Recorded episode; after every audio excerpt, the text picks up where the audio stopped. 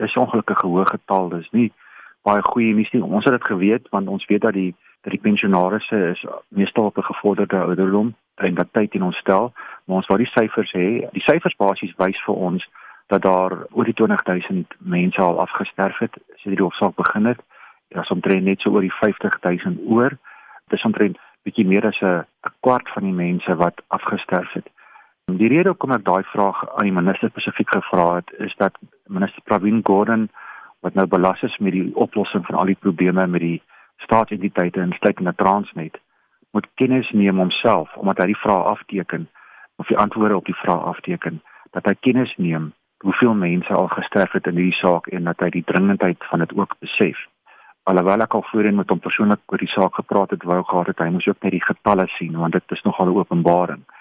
En dit wys hoe belangrik dit is om hierdie saak tot 'n vinnige skikking te bring. En minister Pravin Gordhan is natuurlik die persoon met die politieke wil wil die skikking tot stand wil bring nou en ek wil hê daai wil moet versterk aan sy kant en hy moet Transnet dwing om 'n billike regverdige en dringende skikking nou te aanvaar.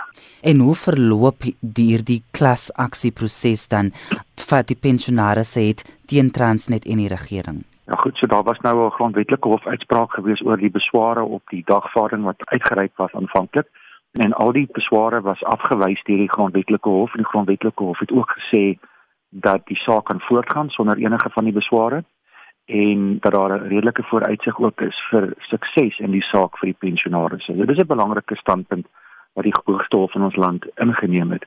Maar die saak moet nog steeds voortgaan in die afwesigheid van 'n skikking. So die volgende stap gaan wees is dat Transnet moet reageer op die dagvaarding en dan word daar basies verdere inligting uitgeruil in die regsproses voordat hulle mekaar in die hof gaan moet om die argumente te stel. Wat ons natuurlik wil regkry is om te sorg dat daar 'n skikking kom voordat ons verder gaan met die hofsaak